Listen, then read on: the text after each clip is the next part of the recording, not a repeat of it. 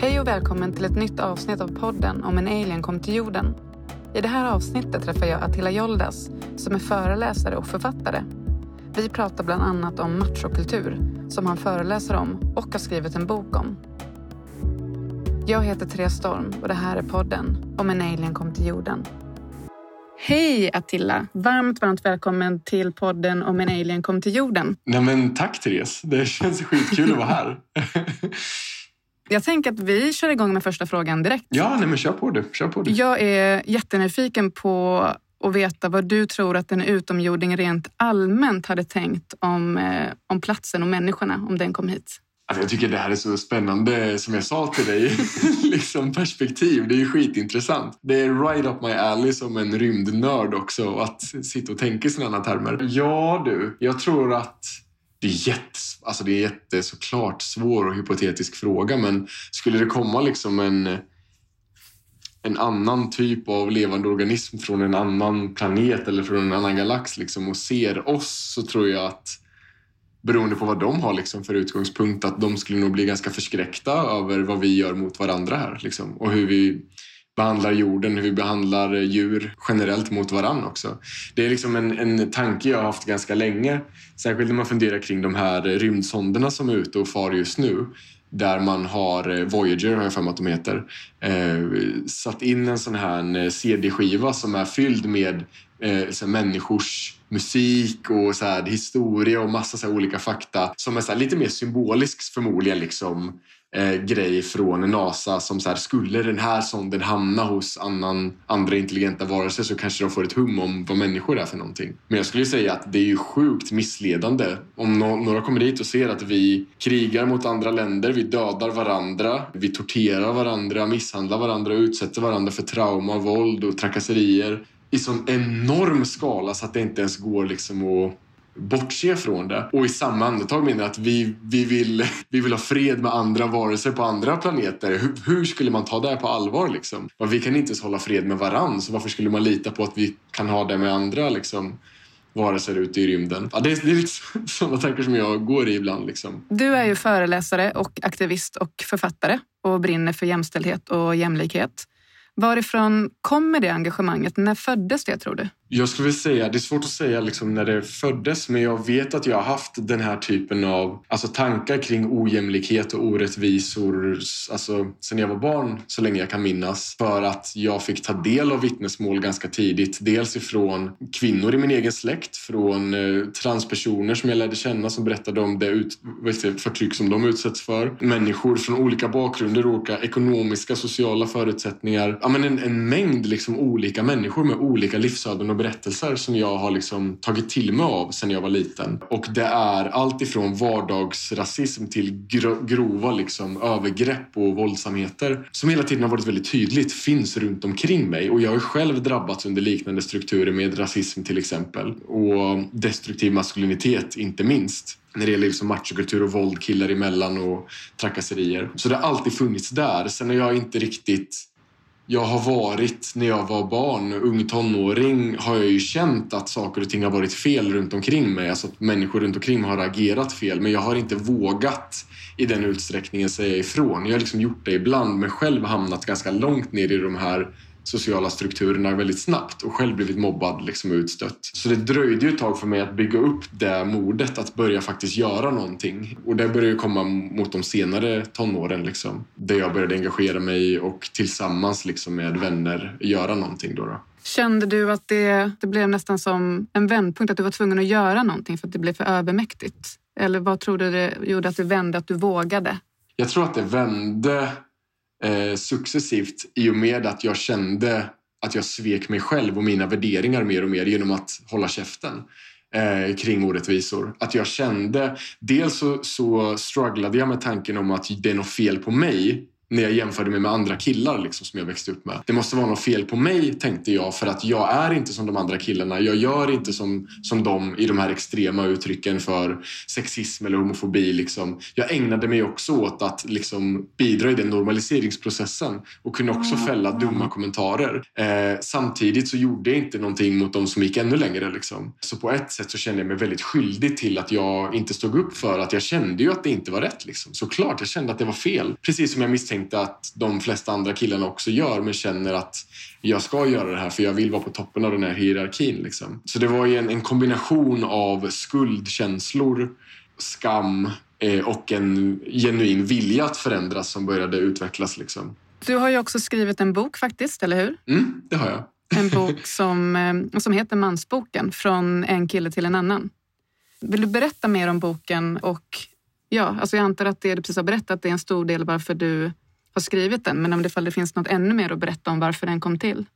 Precis, ja, i mansboken så tar jag liksom utgångspunkten och avstampet är mina egna personliga erfarenheter av att växa upp i en väldigt påtaglig machokultur. Så jag reflekterar i de här olika kapitlen som är uppdelade i ett kapitel handlar om våld, ett om sex, ett om relationer och liksom andra olika aspekter kring just machokulturen och hur vi killar påverkas av den och hur vi påverkar andra människor. Så det är mitt liksom bidrag i att dels visa liksom att hur, hur jag har påverkats och hur jag har sett att människor runt omkring mig har påverkats av de här destruktiva maskulinitetsnormerna och också lyfta fram andra röster. Så jag ville på något sätt sammanfatta så mycket jag kunde. Liksom. Sen täcker inte boken allting utan jag, jag försöker se det som så en inspirationsbok främst för unga killar. Liksom, där man också kan få väldigt många konkreta råd som jag har styltat upp liksom, och tips hur man kan bredda mansrollen. Hur, hur har den mottagits? Den har mottagits väldigt bra måste jag säga. Jag har bara fått ta del av positiv feedback. Liksom där det har varit många olika människor oavsett. Så här, någon har varit eh, pappa, någon har varit mamma, någon identifierar sig som icke-binär men har många killkompisar. Liksom, så här, väldigt olika där det har landat eh, i alla fall i bemärkelsen att de känner att de kan hämta någonting från boken. Att den känns användbar. Att man kan applicera de här tankarna och argumenten för att försöka liksom, förändra i sin omgivning. Och det är ju hela min förhoppning med det. Liksom, att man kan använda någonting till att försöka förändra de här strukturerna. Så på det sättet har det känts som väldigt fin respons och feedback. Var det några typer av sammanhang som du kunde se framför dig när du skrev den? Att det här skulle jag verkligen önska att de använde den i?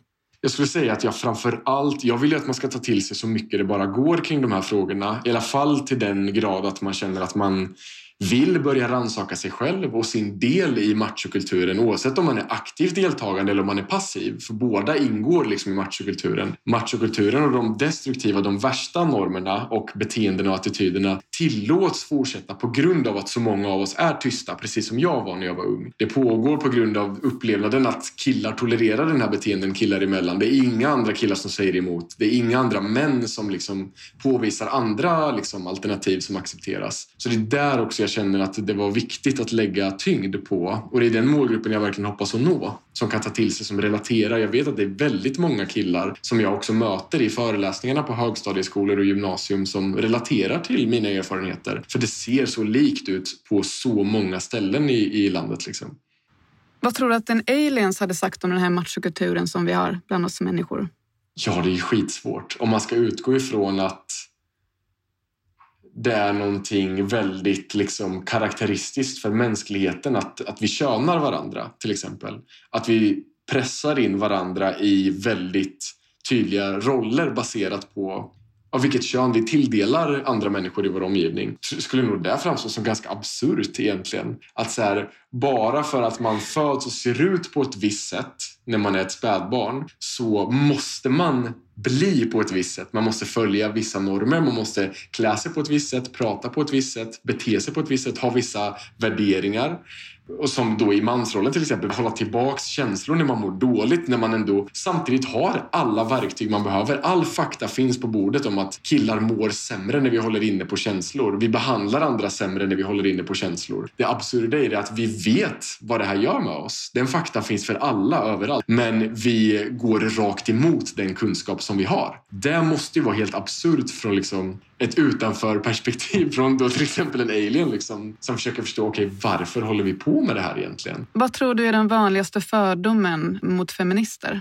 En vanlig fördom från killar som jag upplever när jag pratar med unga killar är ju att feminism inte på något sätt är bra för killar eh, eller män. Eh, att det snarare handlar om att man ska exkludera killar och män helt och hållet eh, och inte fokusera på jämställdhet som feminism åsyftar till att jobba med och kämpa för. Och det är liksom en väldigt konkret definition av ordet feminism, att vi ska sträva efter jämställdhet mellan liksom, eh, könsidentiteterna. Men eh, ja, det är en väldigt vanlig missuppfattning att man upplever att det där är någonting för tjejer och för kvinnor. Det är ingenting för oss. Det finns inget som vi kan hämta där. När det på samma sätt handlar om att liksom, det är klart, en stor del av problemformuleringen handlar om just vissa normer som många killar och män förhåller sig till. Och om vi börjar ifrågasätta de normerna och utmana dem och förändra dem så kan vi bidra till jämställdhet. Och enligt den forskning som finns så innebär ju jämställdhet att kvinnor och icke-binära mår bättre,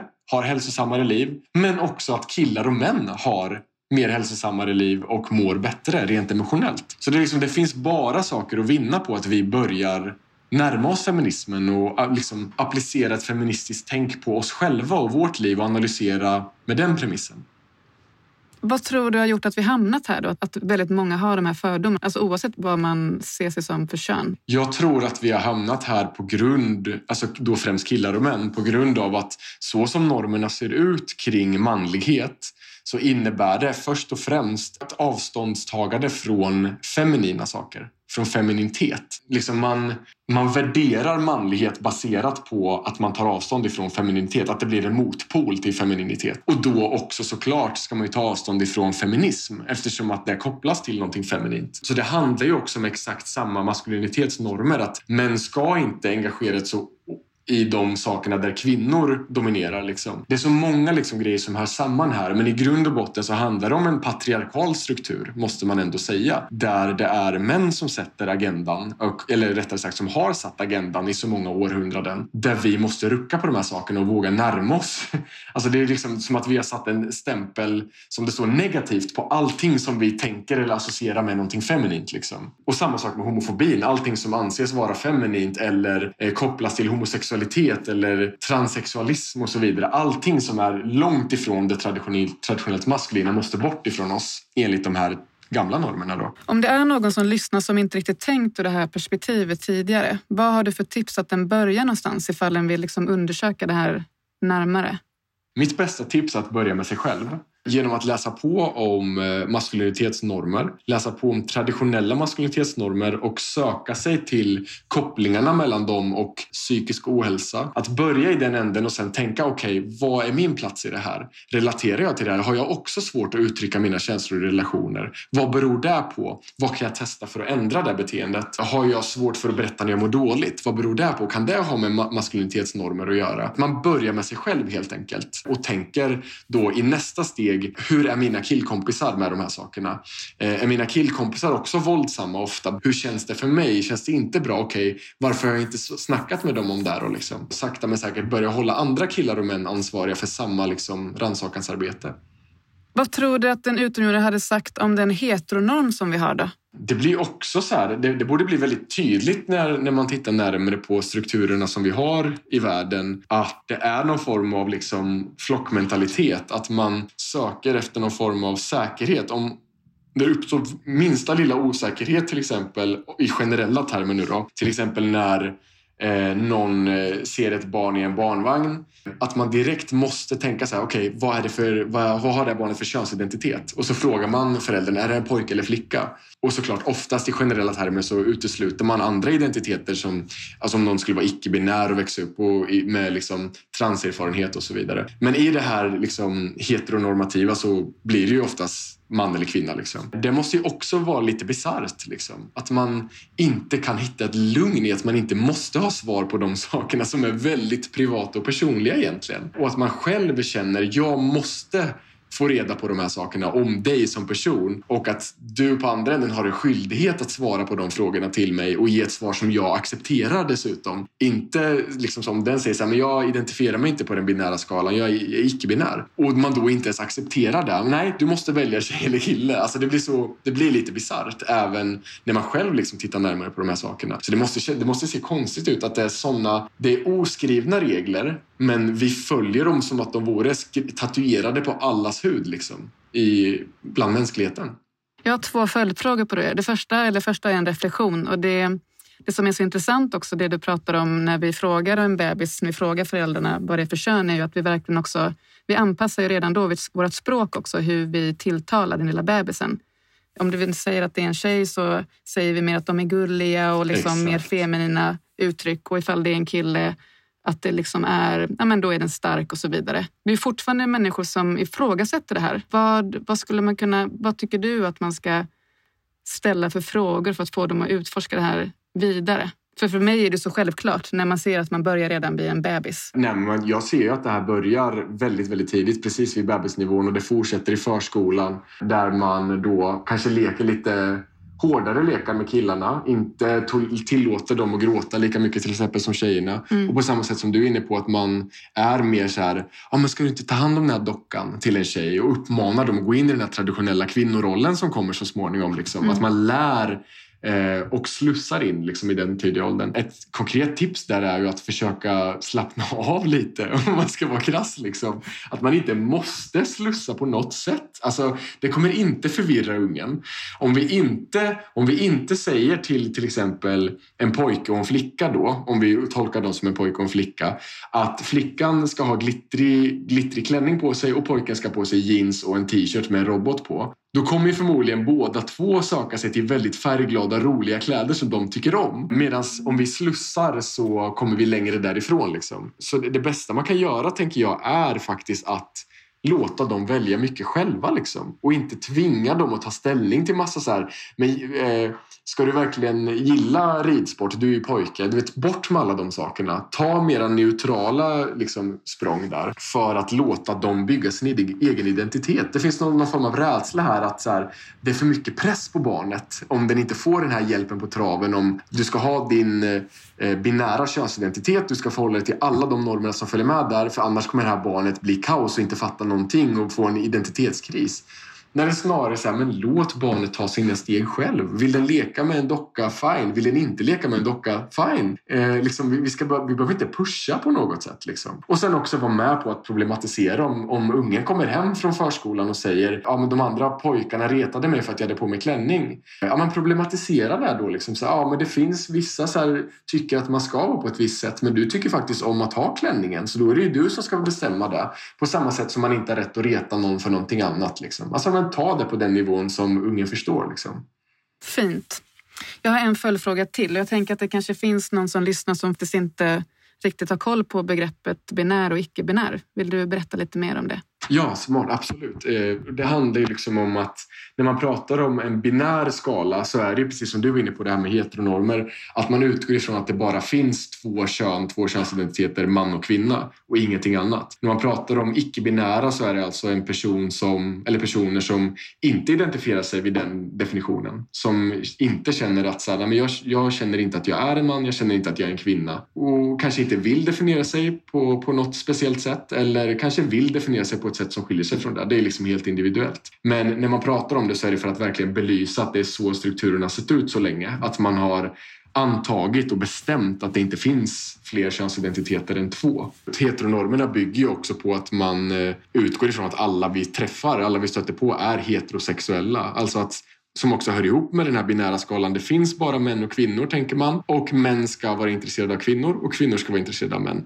Ingenting annat existerar. Och det, det kan vara väldigt aktivt och väldigt medvetet att man tar ställning vid att det är så här det är. Det finns inga andra alternativ. Men det kan också vara väldigt undermedvetet. Att man bara inte reflekterar så mycket kring att det finns andra könsidentiteter och det finns andra sexuella läggningar. Så att man utgår ifrån att alla är män eller kvinnor och heterosexuella. Och det är såklart ett problem för det är väldigt mycket som osynliggörs då. Framförallt diskriminering och trakasserier och så vidare. Om man blundar för att det finns fler identiteter, fler sexualiteter så innebär det att man också blundar för hur de människorna drabbas under olika former av förtryck. Vad skulle du vilja säga till dem som ändå får syn på det men som på något sätt liksom är som teflon och inte kan ta till sig att det finns andra perspektiv. Eftersom att jag är arbetsskadad journalist så ställer jag jättemånga frågor till de personerna som motsätter sig det här. Och de frågorna kan bland annat vara, okej, okay, varför anser du det? På vilket sätt, helt ärligt, påverkar det dig att andra människor kan identifiera mm. sig som de vill eller känner eller liksom är? På vilket sätt kommer det begränsa eller påverka ditt liv negativt på något sätt? Och du vet, bara måla på med sådana frågor som ändå är liksom ifrågasättande och gå vidare då när man känner att man börjar få gehör faktiskt också säga men så här, den här typen av åsikter går faktiskt ut över de här människorna. Det innebär att man befäster negativa attityder mot grupper människor. När man uttalar sådana negativa åsikter om en människa och dens val och identitet så innebär det att man också bidrar till en avhumanisering eller man normaliserar ett avhumaniseringsbeteende. Mm. Liksom. Så det är viktigt att få med den ansvarskrävande biten också tycker jag. Som du nämnde så har du jobbat som, som reporter och du jobbade på Expressen bland annat. Precis, yes. och jag är kvar på Expressen som krönikör nu då. Just det, det är du. Jag är nyfiken på att veta mer om din story innan du jobbade där och kanske även när du var liten jag började komma in på den svängen, lite det vi pratade om i början av det här samtalet, när jag började inse att nej men nu kan inte jag gå runt och hålla käften längre. Jag behöver göra någonting, både för min egen skull och för mina medmänniskors skull. Och började då engagera mig mer i form av aktivist liksom, och opinionsdrivande. Så det var där det började. Då började jag liksom engagera mig med organisationer och engagera mig själv liksom, i demonstrationer mot rasism, för feminism och liksom den typen av arbete. I och med att jag liksom fick ta del av så många vittnesmål från vänner och bekanta liksom, och, och människor som jag stötte på. Och innan det så har det ju varit den här tanken om att Alltså jag har ju så länge gått runt som barn och tänkt att särskilt kopplat till mansnormen att det är något fel på mig. Eh, eftersom att jag känner väldigt mycket. Jag har väldigt lätt till att gråta. Eh, men jag såg till exempel inga andra killar och män vara på det sättet eller ge uttryck för sådana saker jag blev avhyst varje gång jag försökte öppna för sådana samtal med de killkompisarna jag hade då. Och när jag började umgås mer med mina tjejkompisar, liksom på, det blir väldigt binärt men det är också väldigt tydligt då att det finns olika könsroller, så var det mycket mer välkommet och jag kände mig trygg för första gången i vänskapsrelationer att vara mig själv och dela med mig av jobbiga saker och faktiskt vara helt ärlig så med hur jag känner och tänker och mår. Det blev också som ett första liksom så här, ah okej, okay, det, det går att vara människa liksom. Eh, hela du får plats. Precis, hela jag fick plats för en gångs skull eh, jämfört med mina killkompisar och då började jag ifrågasätta det. Bara så här, men nu känns ju inte mina, de killkompisrelationer som jag hade som jag värderade så högt som jag tänkte det är så här det ska vara, kände ju plötsligt bara så här, vad fan, det är ju knappt vänskap som jag har med mina killkompisar. Liksom. Alltså det fanns inget emotionellt, inget liksom djupare och det, det längtade jag verkligen efter. Jag behövde det liksom i mitt liv för jag kände att jag bara gick runt och höll på massa skit istället då. Så det är där, det är många liksom pusselbitar som började falla på plats en i taget liksom under min uppväxt. Och i de sena tonåren och början av 20-årsåldern så började jag engagera mig mer och mer. Liksom, för att jag tänkte att vi alla behöver liksom bli bättre på att rannsaka oss själva och göra någonting. Och inse att man inte blir klar. Jag är inte klar med mitt rannsakansarbete. Det här är någonting som jag tänker att man måste förhålla sig till livet ut liksom, och fortsätta mm. ifrågasätta sig själv och mm. kopplingen till liksom, normerna och sin egen del i det hela. Liksom. Ja, um, verkligen. Som all personlig utveckling, tänker jag. Ja, men precis. Det är exakt så det är. Liksom. Man får se det som mm. personlig mm. utveckling. Och på köpet får man att man kanske kan rucka på lite förlegade strukturer som kanske kan hjälpa någon mm. annan liksom, människa. Verkligen. Vad har du för drömmar och längtan som du inte redan har genomfört? Mina drömmar handlar egentligen om att jag vill fortsätta arbeta med sådana saker som ändå känns meningsfullt för mig kan, får jag fortsätta? Alltså, jag ser det som ett privilegium att, att få prata om sådana saker och få nå ut till människor. Oavsett om jag når ut till två pers eller får föreläsa på en skola till exempel eller skriva en krönika om ämnen som jag brinner för så känns det väldigt, väldigt meningsfullt för mig eh, att nå fram till andra människor med de här budskapen och att vi kan samtala om det tillsammans. Så det, det känner jag att jag bara vill fortsätta med så mycket det går och hitta nya sätt, hitta andra sätt att göra det på. Tvinga mig utanför min comfort zone och kanske prata med personer personer som jag kanske inte hade vågat att prata med när jag var yngre och göra saker som jag själv hade velat ha bara när jag växte upp liksom, för min egen trygghets skull. Så. Och sen drömmer jag också om ett samhälle som ska förändras mer. Där vi inte ens mm. behöver tjafsa om sådana här saker. Där det inte behöver vara våld inblandat. Liksom. Där psykisk ohälsa inte är ett samhällsproblem. Där vi kan jobba mer sunt tillsammans liksom, och det, det, låter som ett lite så brandtal för harmoni. Och, liksom, men det är lite så jag, det är så jag vill ha det. Liksom. Det är så jag vill ja. ha ett fungerande samhälle som jag vet att så många andra också vill. Liksom. Vad tror du är det som gör att vi människor är så rädda För jag tänker att det är rädsla som driver de här olika typerna av beteenden. Jag tror det handlar om rädsla för det som vi upplever är någonting okänt eller främmande för oss. Någonting som har varit närvarande hos mänskligheten så länge vi kan minnas. Den rädslan har ju lett till att vi har överlevt liksom. back in the day, mm. very long back in the day. Eh, vi har ju varit tvungna att agera på rädsla för att vi inte ska utplånas liksom, som art. Men det, det tänket borde vi inte behöva ha längre nu. Liksom. Vi applicerar överlevnadsinstinkt på sociala situationer som handlar om att människor ska få vara sig själva och inte hånas eller dömas eller trakasseras eller liksom utsättas för våld på grund av det. Vi borde ha kommit så mycket längre men vi låter rädslan ta så mycket plats i våra liv. Liksom. Man inser ju också när man lär känna människor och hör deras berättelser och faktiskt lyssnar på vad de säger att vi behöver hjälpas åt mycket mer än vad vi gör. Vi behöver lägga den här jävla rädslan åt sidan och våga närma oss varandra istället. Liksom. Verkligen. Alltså väldigt många normer stödjer ju varandra också. Eh, och jag tänker att när man börjar liksom få syn på en så blir det lite som en dominoeffekt. Hur brukar du förklara det? Alltså är det något som du brukar prata om? Ja, jag brukar prata om det ganska mycket. Min, hela min föreläsning som jag jobbar med om machokultur nu bygger också på att man börjar med hur eh, killar och män hanterar sina känslor och att man därifrån tar steget vidare till normerna kring det. Hur ska eller förväntas en kille hantera sina känslor? Till, okej, okay, hur ger vi uttryck för dem? Det kan ibland vara genom våld för att vi ska få som vi vill eller få hålla människor på avstånd för att vi känner oss sårbara. Det kan vara genom att vara tyst och låta det äta upp en inifrån. Och det kan i sin tur leda till att det går ut över en partner eller vän eller någon helt främmande människa. Vi kan hamna i missbruk på grund av att vi inte vill eller kan eller tänker hantera våra känslor eh, och missbruket kan i sig leda till att vi behandlar andra illa eller oroar andra. Och sen går jag vidare till så olika aspekter med våld, psykisk ohälsa, självmord, övergrepp, liksom sexuella övergrepp, trakasserier, våld mot andra killar, våld mot icke-binära tjejer och visa på liksom att många, man kan börja i en norm och sen precis som du säger koppla den till nästan alla de här andra destruktiva normerna. För det är väldigt tydligt att i många fall så spelar väldigt många normer in till ett destruktivt beteende. Och det är också belagt. Det är liksom inte mina åsikter. Det är ju belagt liksom från kriminologer, från forskare, från sexologer. Det finns gott liksom, alltså på Sveriges kommuner och, och regioner har tagit fram liksom rapporter kring det här. Forskare har tagit fram. Karolinska har forskat på liksom kopplingen mellan maskulinitetsnormer och självmord. Det finns hur mycket som helst. Det är liksom ingen snack om saken om att det skulle handla om åsikter liksom. Eller att jag har någon form av egen agenda baserat på vad jag tycker och vill. Utan det är så här det är liksom. Och det kan man inte ducka från.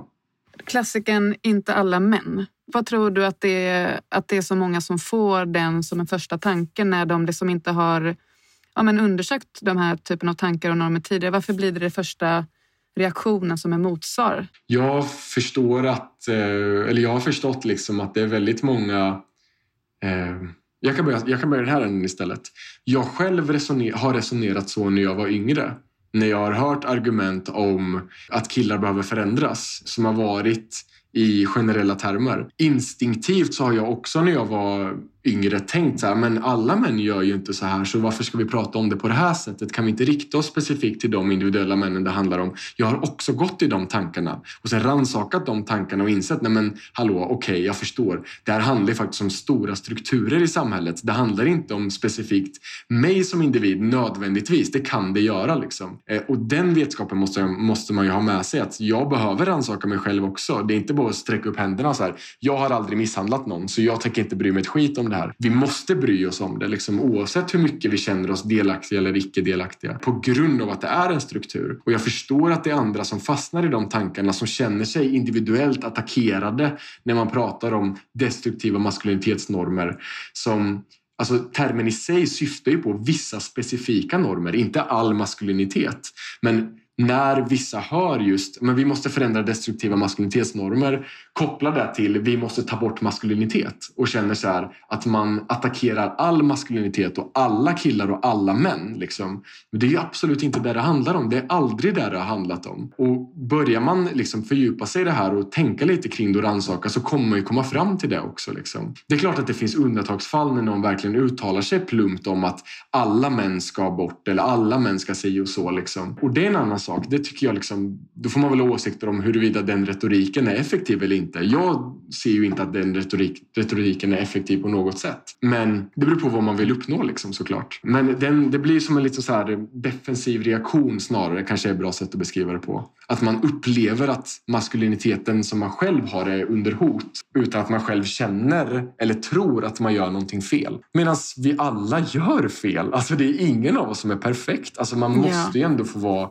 lite ödmjuk kring det och inte tro att även folk som jobbar med sådana här frågor eller som Alltså jag har ju läst mycket forskning om det men det är inte som att jag inte faller dit på vissa stereotypa maskulinitetsnormer oavsett om det handlar om små saker. Liksom. Det är ju liksom, ingen blir ju klar med sånt här själv Um, hur var det du beskrev det liksom? som personlig utveckling? Liksom. Det handlar ju om ett livslångt engagemang. Liksom.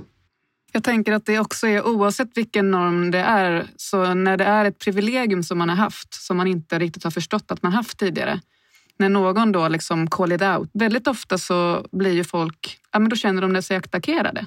Ja, absolut. Och har man många privilegier, privilegier så känns det ju inte som att man har privilegier. För då är man ju så van vid, man är så van vid de privilegierna som man inte ens märker att det är där. Liksom. Eh, så att det är nästan... Så då känns det som ett hot? Precis, det blir som ett hot. Att någon ska ta någonting ifrån mig liksom? Ja, eller som att det skulle vara synonymt med att man på grund av att man har privilegier inte kan ha också problem eller må dåligt. Liksom. Det är klart man kan det. Liksom. Men det handlar ju inte om det. Man säger ju inte du som man som har en maktposition i form av att du är chef till exempel.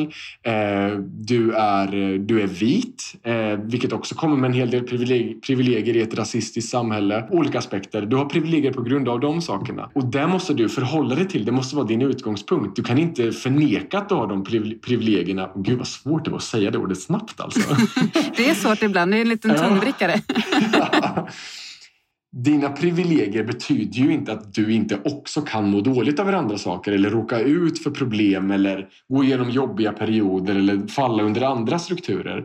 Det är eh, två helt olika saker som man kan ha, två olika bollar man kan ha i luften samtidigt. Liksom. Men det blir lite samma typ som när vi könar barn. Liksom så här. Nej, men om, om, du inte är en tjej, då måste du vara en kille. Och om du är en kille, då måste du leka med bilar. Och om du leker med bilar, då måste du också gilla fotboll. Det är som om man vill ha det här logiska då som man tänker liksom stereotypa klassiska ledet av tankar. Är det någonting som avviker därifrån så drar vi, liksom, drar vi oss tillbaka och bara så det här är någonting konstigt och därför fel. Och det är liksom, vi måste komma ifrån det tankesättet och vara lite mer toleranta och inkluderande. Mm. Liksom.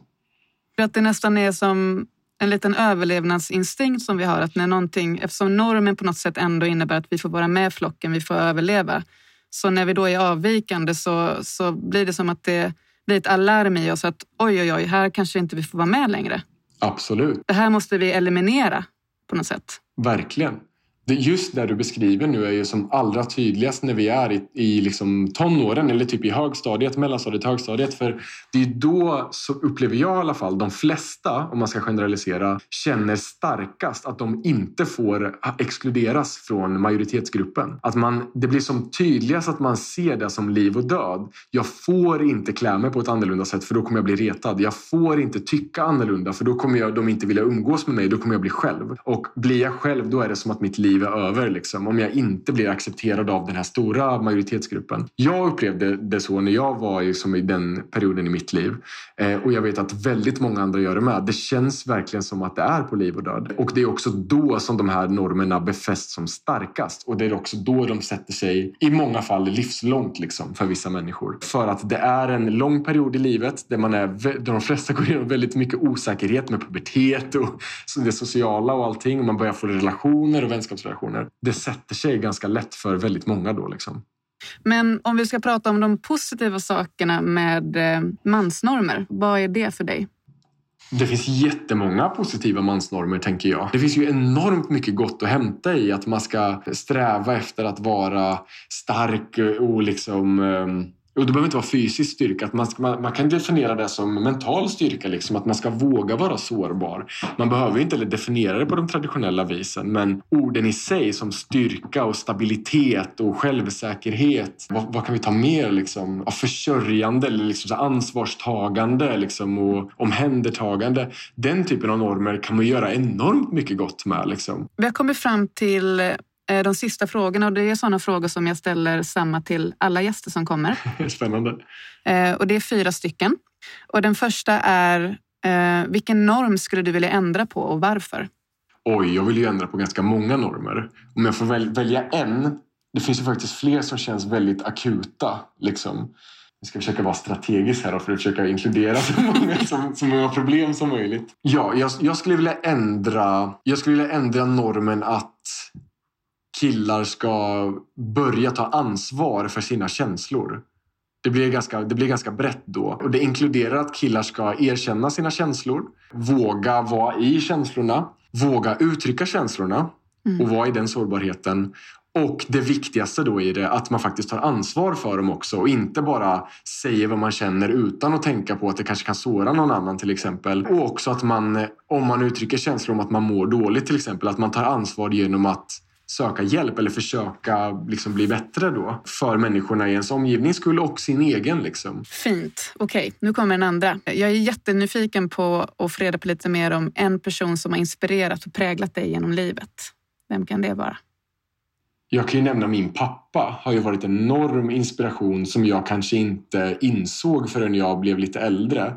För min pappa har ju varit ett fantastiskt exempel på en man som bryter mot de traditionella mansnormerna. Men trots att jag kände att det var något fel på mig för att jag inte liksom var käns alltså visade känslor och vågade gråta inför folk och prata om sådana saker och ta avstånd ifrån liksom jobbiga sexistiska kommentarer eller homofobi eller våld och så vidare så gjorde ju min pappa det.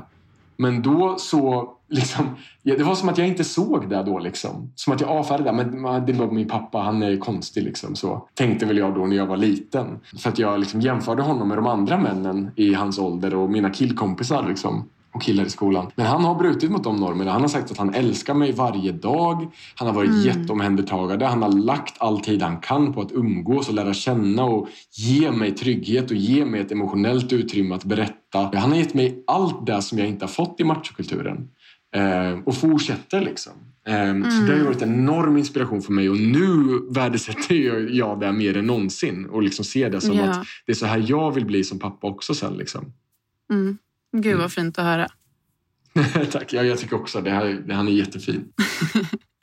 för att må bra i livet, vad tror du är viktigt för oss människor då? Vad behöver vi? Jag tror att man också måste se till att vi faktiskt är flockindivider om man ska säga det så i grunden. Vi måste erkänna att så här, vi funkar i relation till andra. Oavsett om det är människor eller djur eller liksom vad, vad det nu kan vara. Vi fungerar, vi är sociala varelser. Vi behöver, liksom, de flesta av oss, fungera i relation till andra. Och då innebär det också att vi måste liksom hjälpas åt att ge utrymme för våra individualiteter och olikheter. Vi måste vara inkluderande och toleranta. Liksom. Det är liksom en grundpelare för att vi ska må bra som individer och som grupper. Mm. Liksom. Och det handlar ju om, när jag menar som grupper så menar jag ju alla samhällen och liksom ett sam samarbete, jag vet inte vad man ska kalla det. Liksom. Ett samspel bara med alla människor är ju egentligen det som skulle få alla att må bättre. Liksom. Eh, ett inkluderande, stort liksom, samspel. Ja, och den sista är såklart, om det, den, om det är någon nu då som lyssnar som, som vill se mer av dig, var hittar de dig någonstans? Oj, gud vad, vad snällt att du får med det. Man får jättegärna följa mig på Instagram. Där jag heter Attila Joldas. Och för där, det är väl där jag är som mest aktiv liksom, i, i mitt engagemang. Och det jag också delar med mig av vad jag har på gång och om jag delar saker på till exempel Youtube som jag gör ibland. Och föreläser och lite blandade sådana saker. Eh, så på Instagram får man jättegärna följa mig. Och där länkar jag till andra ställen. Bland annat mina krönikor i Expressen och sådär. Liksom, som man gärna får kika på. Jag känner mig så, jag har sån tacksamhet i hela kroppen. Jag är jätteglad för det här samtalet.